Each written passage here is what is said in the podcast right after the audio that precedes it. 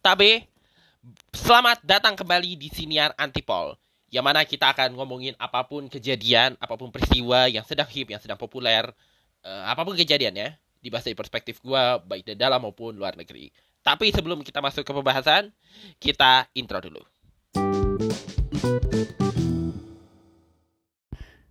Harusnya gue ngerekam episode ini dari beberapa yang, hari yang lalu Tetapi sayangnya gue lagi banyak kesibukan gue lagi banyak pergi sehingga baru sempet ngomongin sekarang. Gue nggak tahu apakah isu ini masih apa sih namanya masih istilahnya mm, masih relevan untuk dibahas masih apakah momentumnya udah lewat atau mungkin masih ada sisi lain yang perlu gue ulik gitu ya. Tapi mari kita membahas tentang Partai Solidaritas Indonesia yang di tengah mereka mempersiapkan untuk pemilu 2024 kelihatannya PSI ini lagi di satu sisi mereka lagi bersiap, di satu sisi mereka lagi bermanuver, tapi di saat bersamaan mereka ditinggal beberapa kader utamanya dari tingkat dewan pembina sampai tingkat pengurus utama. Bahkan pengurus daerahnya pun ada yang mengundurkan diri. Sepan uh, bukan hanya baru-baru ini aja, bahkan mungkin sepanjang tahun ini gitu. Dan ya seperti yang lu tahu juga bahwa PSI dari tahun 2019 mereka dapat kursi di beberapa akhirnya mendapatkan wakil, bisa mendapatkan wakil di beberapa daerah walaupun gagal di DPR. Uh, eh, manuvernya tuh gila-gilaan. Apalagi yang berkaitan dengan uh, Gubernur DKI Jakarta Anies Baswedan, kepemimpinan beliau. PS ini sering banget mengkoreksi tentang kebijakannya Mas Anies sebagai gubernur dari urusan dana pandemi sampai formula E itu kan PSI cukup banyak bersuara baik di pihak fraksinya ataupun di pihak DP D-nya ataupun di pihak DPP-nya. Nah, cuma situasinya jadi berbeda ketika kepemimpinan PSS eh, PSSI lagi. PS ini bertukar dari si Grace Natali, ketua umumnya yang kemudian naik jadi Dewan Pembina ke Giring Ganesa sebagai ketua. Gua nggak tahu apakah karena kepemimpinannya Giring Ganesa dianggap terlalu ideal, terlalu ingin PSI jadi idealis atau ada faktor lain yang menyebabkan banyak di antara mereka ini, beberapa kader utama ini, banyak yang minggat. Atau, ya prediksi gue, kan Mas Anies kan cukup menguat ya. Be, apa sih namanya, pencalonannya sebagai presiden gitu ya. Apalagi menjelang akhir masa jabatan, sampai akhirnya sinyal dinyalakan oleh Nasdem pada Oktober, mendeklarasikan Anies sebagai capres.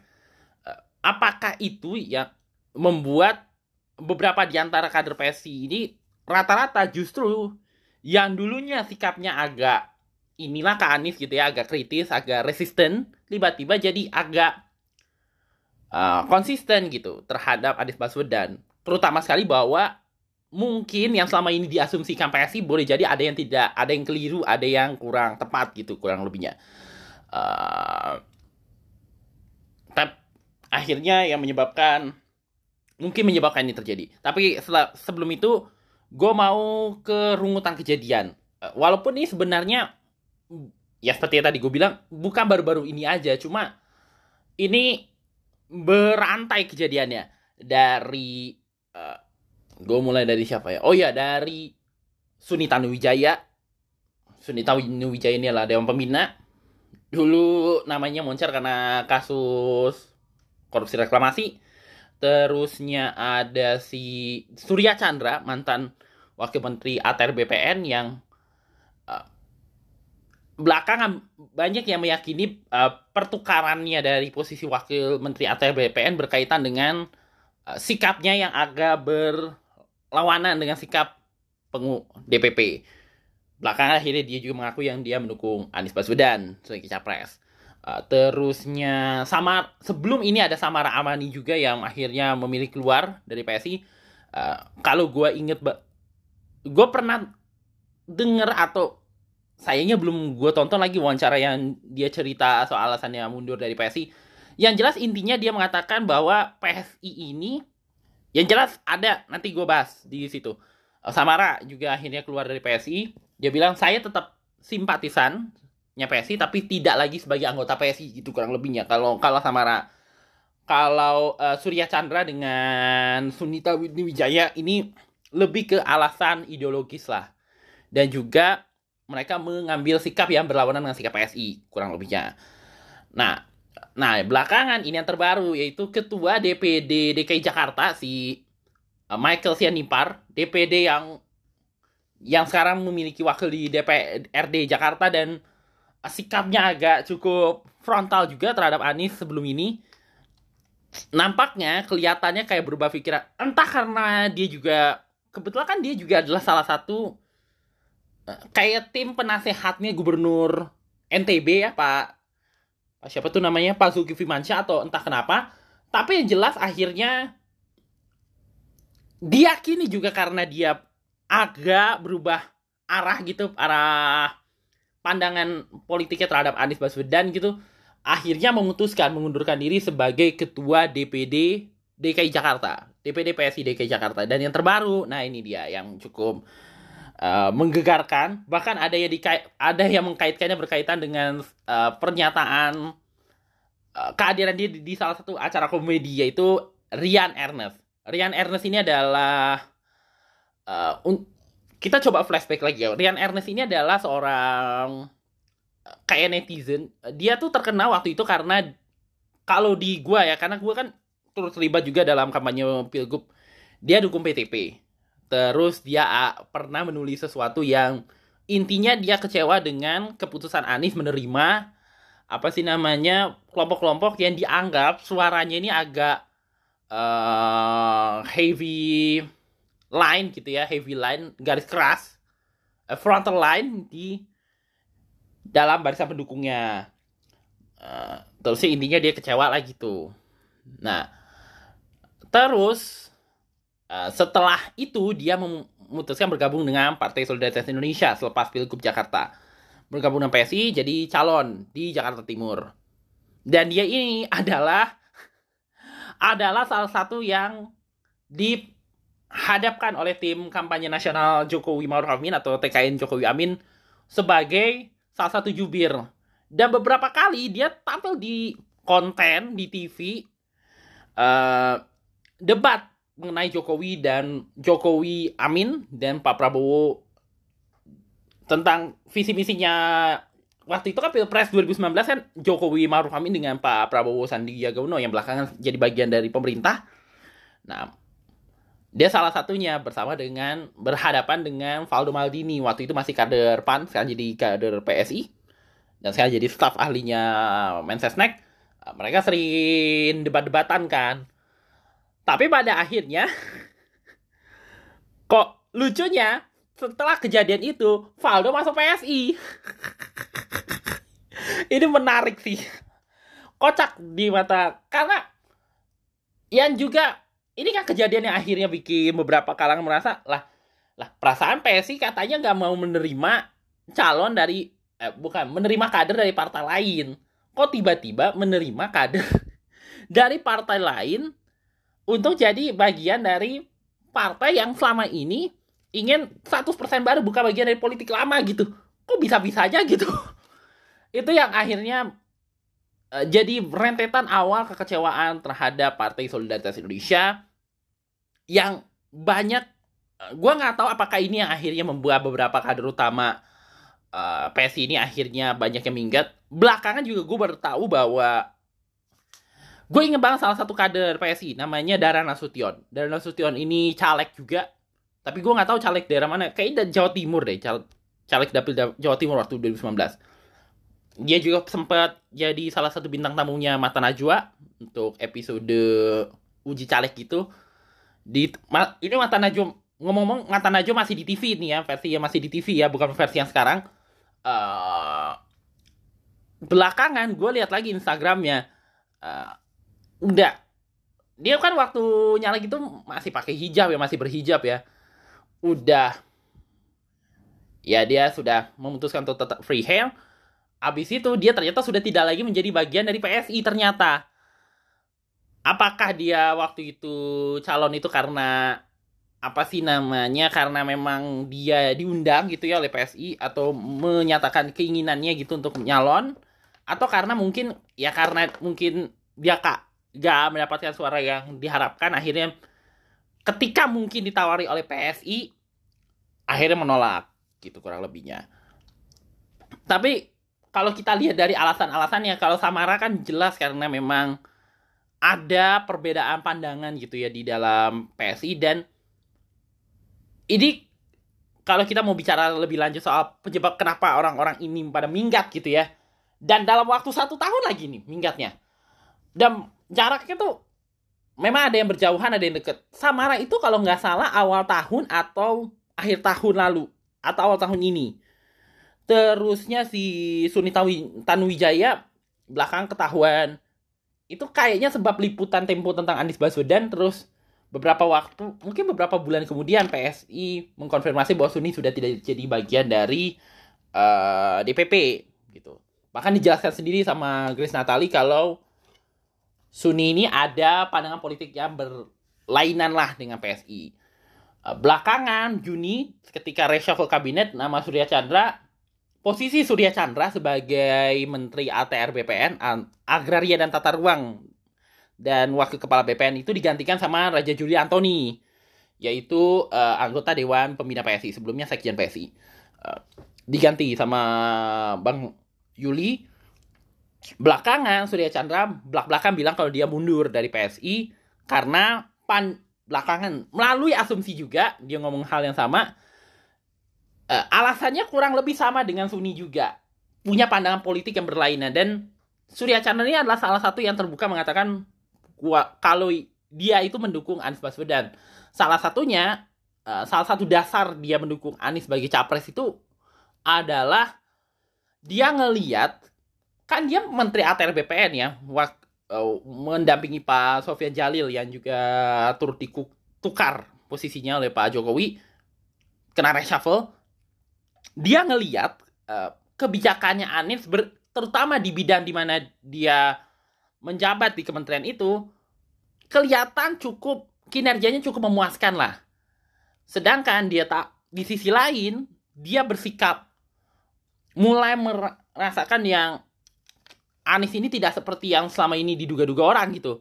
Tapi di saat bersama sikapnya si PSI itu tetap sama ke Anies Baswedan. Jadi ada kemungkinan besar ada sedikit crash lah gitu crash gitu antara crash atau crash eh, benar-benar crash antara uh, Surya Chandra dengan PSI yang akhirnya membuat dia memutuskan minggat itu pun setelah dia akhirnya di apa sih namanya ditukar lah gitu posisi dari jabatannya digantikan sama salah satu pengurus PSI yang lain.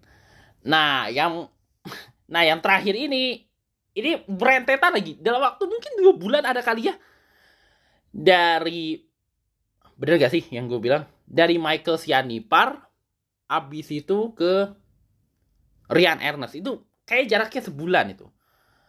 Nah Michael Sianipar ini kayaknya ada kali sebulan tuh mereka berdua mengumumkan minggatnya gitu ya. Tapi coba gue lihat dulu satu berita dari asumsi deh Sebentar, sebentar, sebentar. Uh, ta, ta, ta, ta, ta. Ah, ini dia. Gue bacakan artikel dari Asumsi. Uh, ini 15 Desember. Rian Ernest mundur dari PSI. Setelah beberapa minggu yang lalu ditinggal oleh Michael Sianipar. Berarti bener apa yang gue omongin di bahasan tadi. Hari ini PSI kembali kehilangan salah satu tokonya, Rian Ernest. Rian mengikuti jejak para elit-elit PSI yang sudah lebih dulu hengkang dari partai.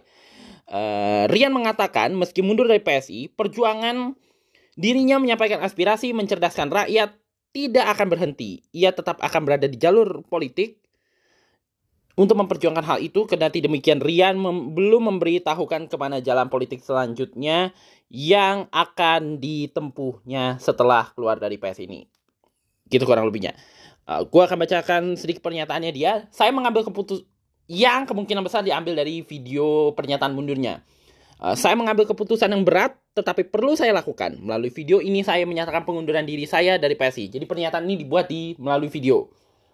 Uh, kalau nggak salah di akun media sosial nanti gue buka. Uh, akun sosialnya banyak. Yang jelas dia menyatakan pengunduran diri dari PSI. Meski berat, saya meyakini ini adalah benar. Keputusan yang benar untuk langkah politik saya ke depannya. Karena besarnya potensi Indonesia, perlu cara-cara berpolitik yang lebih baik. Karena itu saya akan tetap berada di jalur politik. Itu kurang lebihnya. Dan sebentar deh, gue buka Instagramnya mungkin. Nih, sebentar ya. Gue lagi buka Instagramnya. Akun Irian Ernest.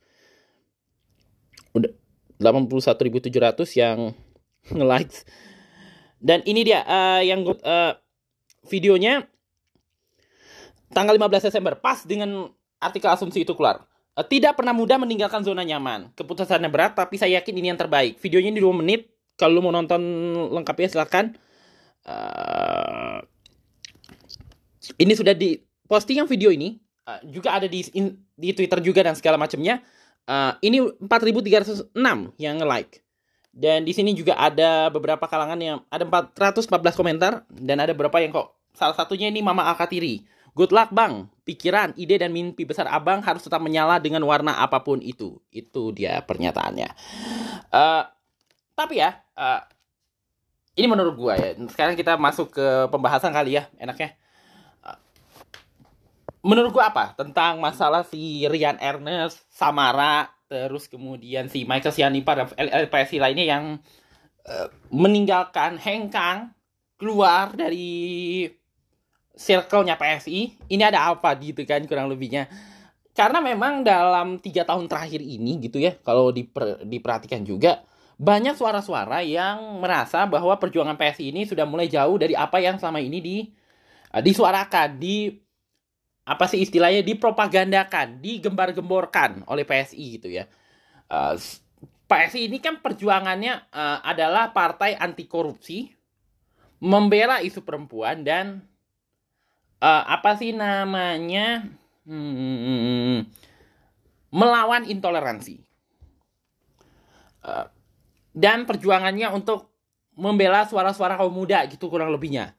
Nah, memang betul PSI tidak meraih hasil yang maksimal di pemilu. Bahkan suaranya bahkan kalah dengan ini boleh sebut ya partai berkarya yang sayangnya tidak bisa ikut pemilu tahun ini uh, 2024 lebih tepat ya. Partai berkarya uh, perolehannya nggak sampai 0, sekian gitu. Dan gue jujur juga mengatakan gue adalah salah satu pemilihnya PSI juga. Gue nyoblos PSI di di pileg 2024 eh pileg 2019 kemarin gue uh, DPRD sama DPR itu gue milih PSI uh, DPRD kota ya sama DPR RI itu gue milih calon dari PSI uh, dan salah satu alasannya gue milih PSI pada saat itu ya pada saat itu ya itu tadi seperti yang gue bilang memperjuangkan suara kaum muda dan perempuan. Uh, isu kaum muda nih sangat banyak gitu pemilih muda sangat banyak cuma partai-partai politik ini kadang-kadang tuh ya uh, melihat pemilih muda tuh sebagai apa sih namanya apa ya untuk mendapatkan suara aja gitu memperjuangkannya belum tentu gitu. Nah PSI ini bukan uh, maksud gue gini. Partainya betul ada calon calon-calon muda terusnya ada para kader muda ada kaderisasi uh, uh, kader-kader pemuda gitu. Dan regenerasi kepemimpinan juga dilakukan. Cuma uh, yang kemudian uh, masuk di jajaran utama kayak jajaran pimpinan eh gak usah apa sih namanya gak usah susah-susah deh di DPR aja gitu. Pemil uh, calon muda itu nggak sampai 20 sekian persen gitu. Dan kebanyakannya bukan dari kalangan muda yang selama ini uh, apa sih namanya ke maksud gue kebanyakan di antaranya ini rata-rata masih punya hubungan kekerabatan karena bapaknya mungkin pengurus partai karena mungkin aduh bapak gue dari partai ini. Ya kali gue nggak jadi bagian gitu kurang lebihnya. Sehingga apa sih namanya i, kebanyakannya masih ada hubungan kekeluargaan gitu masih ada gitu. Sedangkan pensi itu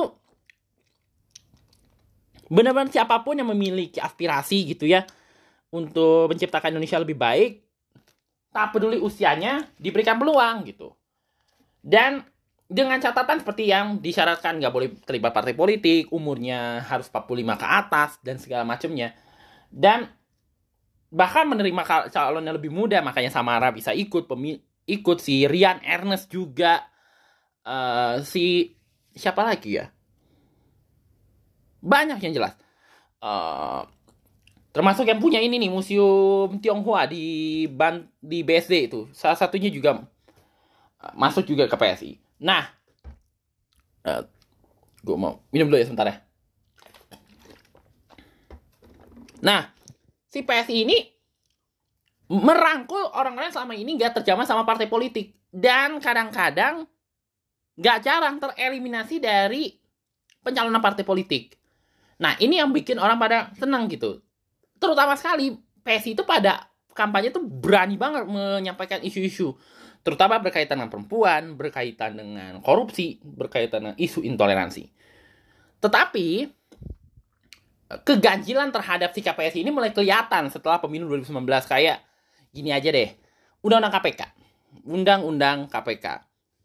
Sebelum ini PSI itu termasuk yang cukup uh, menolak keras menolak keras uh, revisi undang-undang KPK yang beberapa pasalnya dianggap tidak malah membuat KPK jadi kelihatan loyo gitu di hadapan lembaga-lembaga hukum lain gitu.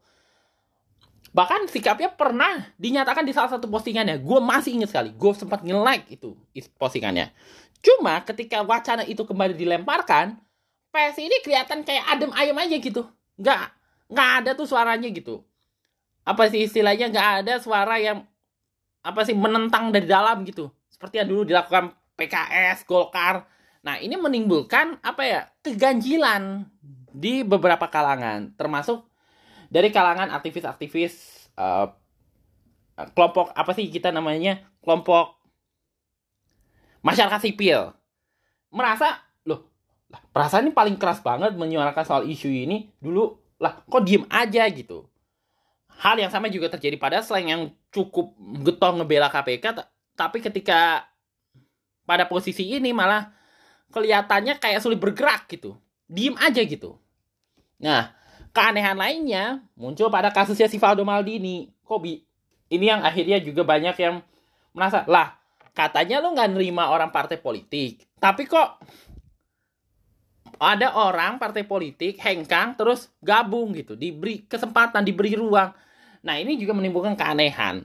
Ditambah lagi banyak sekali, apa sih namanya, ada kritik-kritik juga berkaitan dengan uh, PSI ini terlalu fokus mengkritisi satu pihak, tapi saat pihak lain membuat kebijakan yang sama, uh, diem aja gitu.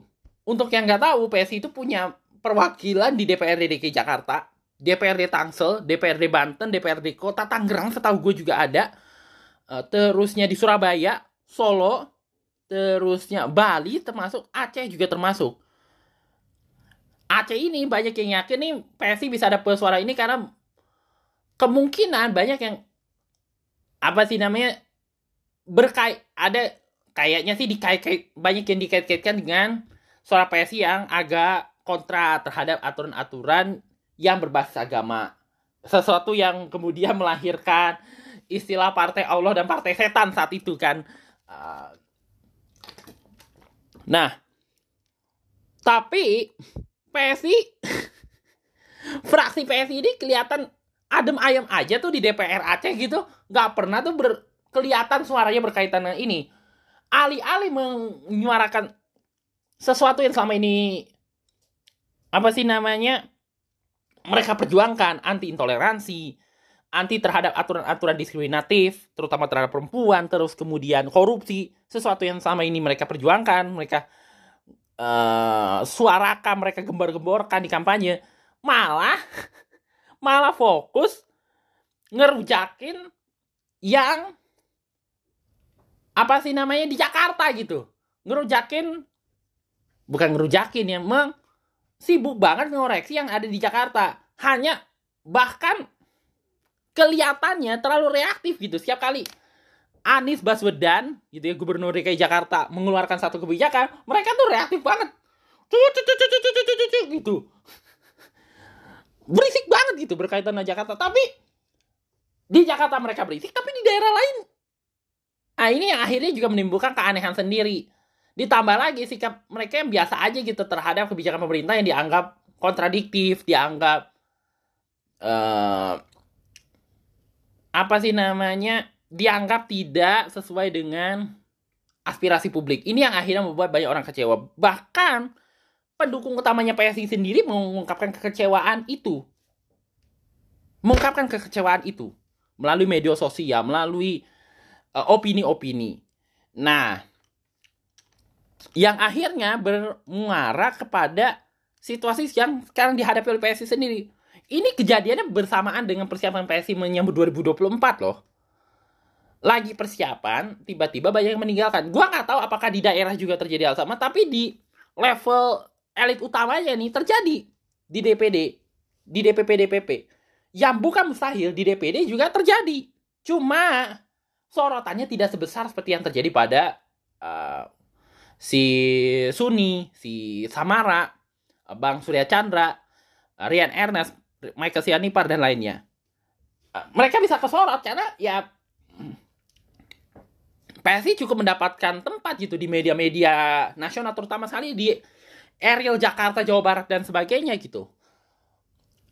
Ya karena mereka sering menyatakan suara terkait dengan kebijakannya Anies bagi Gubernur DKI Jakarta ataupun ya berkaitan dengan isu nasional gitu. Berkaitan dengan pemerintahan Pak Jokowi. Uh, ini yang juga menyebabkan banyak pihak merasa merasa bahwa bukan mustahil yang terjadi di pusat ini bisa terjadi di daerah cuma nggak kesorot aja gitu. Nah ditambah lagi uh, kembali lagi soal masalah PSI yang kontradiktif juga. PSI ini kan banyak menempatkan wakil di pemerintahan satu menteri dan ada beberapa staf kalau tidak salah si Dini Santi salah satunya. Tapi kelihatannya kayak apa sih namanya gue mau pakai istilah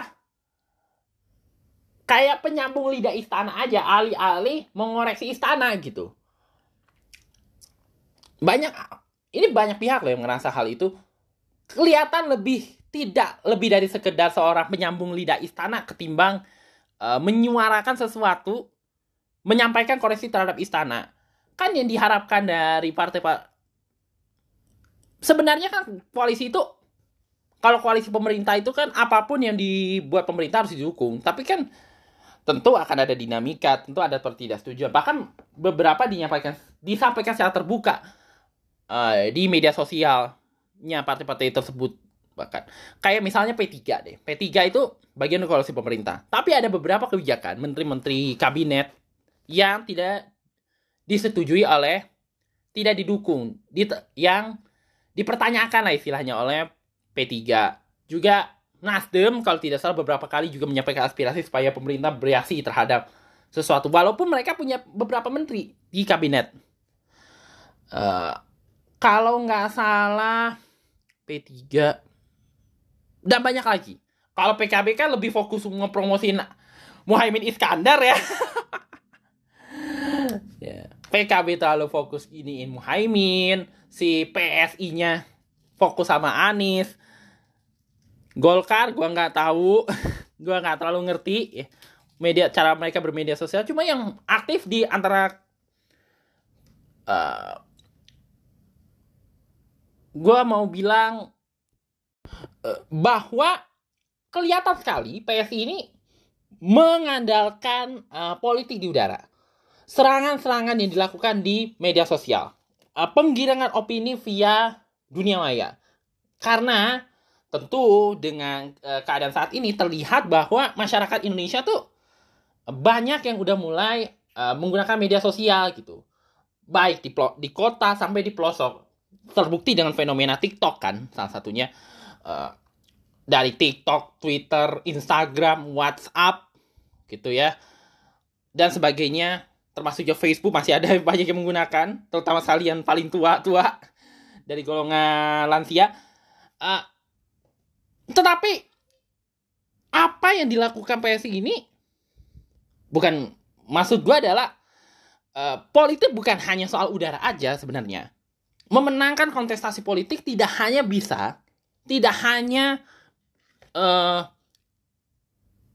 bis dilakukan bukan sekedar gue mau bilang kontestasi politik tuh uh, adalah tentang bagaimana sebuah partai politik, sebuah lembaga politik, seorang calon politik bisa menyampaikan aspirasi di masyarakat, bisa memperjuangkan apa yang menjadi suara rakyat terutama sekali mereka yang mungkin suaranya uh, tidak pernah disuarakan selama ini.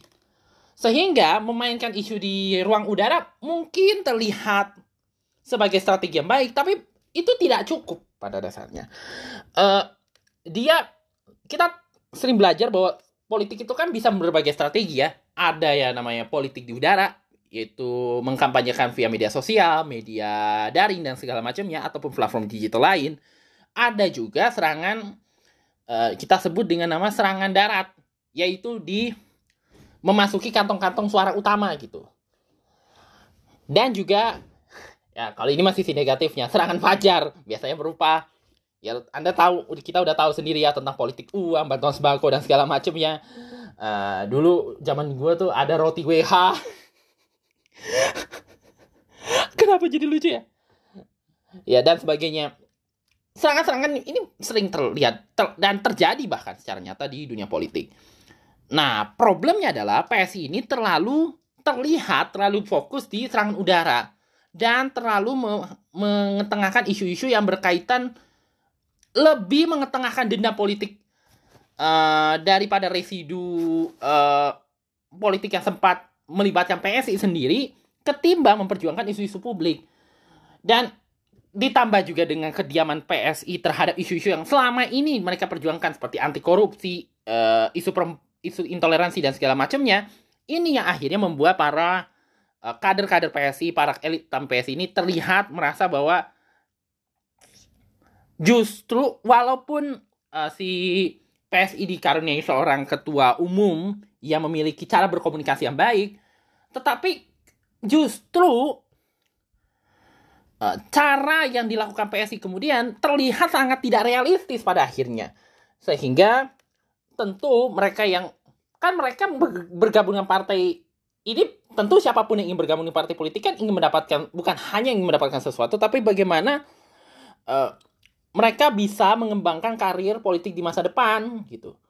Bagaimana uh, bagaimana mungkin memperjuangkan aspirasi rakyat kalau tidak ada progres dari dari partainya untuk mau apa nih namanya realistis gitu. Mau apa sih namanya berkompromi secara politik gitu. Dengan berbagai hal. Tentu kalau soal pilihan calon presiden bisa saja sama tapi bagaimana cara untuk uh, realistisnya itu yang jadi kendaraan bagaimana bisa memenangkan sebuah pemilihan dan terlihat sekali PSI agak miss di bagian ini sehingga para tokoh-tokoh ini, para figur-figur ini, para elit-elit ini akhirnya banyak yang memutuskan hengkang. Tentu seperti yang tadi ku bilang bukan uh, yang bukan hanya yang terlihat saja seperti Samara, uh, Michael Sianipar, uh, Rian Ernest, Surya Chandra dan sebagainya. Bisa jadi ini juga gejala ini juga terjadi di daerah-daerah. Padahal semua ini terjadi. Padahal uh, gue mau bilang PSI ini lah, sudah jadi peserta pemilu loh. Dan sedang dalam persiapan pemilu 2024. Tetapi dalam situasi ini, tentu seharusnya ini menjadi renungan. Seharusnya jadi apa sih evaluasi diri bagi PSI. Bahwa harus bisa apa sih istilahnya e, menata atau apa sih namanya kayak menilai apa hal-hal yang menyebabkan orang-orang ini bisa keluar dari PSI. Selain uh, mereka harus sadar bagaimana uh, tentu maksud gue di sini dalam memenangkan pemilihan politik itu kan kita ada tiga, tiga karakter pemilih. Ada pemilih kiri, ada pemilih kanan, ada pemilih tengah. Nah, pemilih, pemilih kiri kan kalangan pekerja dan segala macamnya. Pemilih kanan lebih ke konservatif gitu ya, isu perkauman. Yang tengah, ini tidak di antara itu. Nah, kan untuk memenangkan pemilihan kan harus memenangkan suara dari tiga ini. Kelihatan jelas PSI ini terlalu banyak uh, berdiri pada kelompok-kelompok yang uh, cenderung tengah gitu. Sedangkan yang kiri sama kanan di agak agak ke kiri lebih tepatnya kalau PSI uh, eh, pandang politiknya. Cuma terlalu fokus di situ. Sedangkan pemilih yang mungkin ingin uh, ada gagasan, ada gebrakan dari PSI dan kelompok kanan malah nggak dirangkul. Bahkan secara terbuka PSI menyatakan kami menolak cara-cara perkauman gitu. Sedangkan untuk memenangkan pemilihan itu harus merangkul tiga-tiganya. Di sinilah yang akhirnya menyebabkan kenapa kelihatan sekali PSI uh, eh, ada badannya, ada ininya, uh, strukturnya, ada bentukan partai politiknya, tapi kelihatan kalau istilah seorang stand komedian bilang kosong banget gitu terlihat seperti harapan bangsa tapi kayak gak ada gagasan, gak ada ide untuk memperbaiki ini. Dan ini yang di banyak mungkin terjadi, mungkin bisa jadi terjadi pada ketua umumnya yaitu Giring Ganesa. Ya, kita tahu lah Giring Ganesa kan ini ya musisi kan latar belakangnya terlalu fokus pada mimpi tapi ya lu ngerti sendiri lah maksud gue. Jadi kesimpulan dari episode kali ini adalah uh, kelihatan sekali. Yang pertama adalah kelihatan sekali uh, pemimpin-pemimpin PSI yang pada meninggalkan PSI ini, uh, mantan kader PSI ini melihat bahwa apa yang mereka lakukan ini berkaitan tidak lepas dari tidak terlepas daripada uh, mereka memperhitungkan masa depan politik mereka. Apalagi melihat realita di dalam kepemimpinan PSI yang cenderung terlalu idealis sampai lupa terhadap bahwa pertarungan politik itu harus realistis, berdasarkan realita, bukan berdasarkan ekspektasi-ekspektasi dan terlalu uh, bermain dengan isu yang selama ini mereka perjuangkan. Dan nampaknya PSI dalam menghadapi 2024 ini harus mulai mengubah cara permainannya. Kalau tidak, gelombang ini gelombang ini mungkin tidak akan berhenti. Yang bisa bukan mustahil menjadi bumerang bagi PSI betul mungkin bisa jadi PSI bisa memanfaatkan atau menunggangi calon yang terlihat populer di pemilihan umum saat ini gitu ya. Terlihat populer di survei saat ini. Tapi kalau kita berkaca pada pengalaman pengalaman uh, PSI itu kan mendukung Jokowi ya 2019 tapi akhirnya you tahu sendiri kan apa yang terjadi. Jadi itulah pembahasan dari episode ini cukup panjang cukup membingungkan tapi semoga uh, bisa bermanfaat untuk kalian dengarkan. Yang yang baik di yang sisi baiknya diambil, yang kurang ya anggap saja sebagai opini apa sih namanya curcolan seorang novel R saja gitu sebagai di siniar ini. Kita bertemu kembali di episode berikutnya. Siniar Antipol Analitika Sepopuler.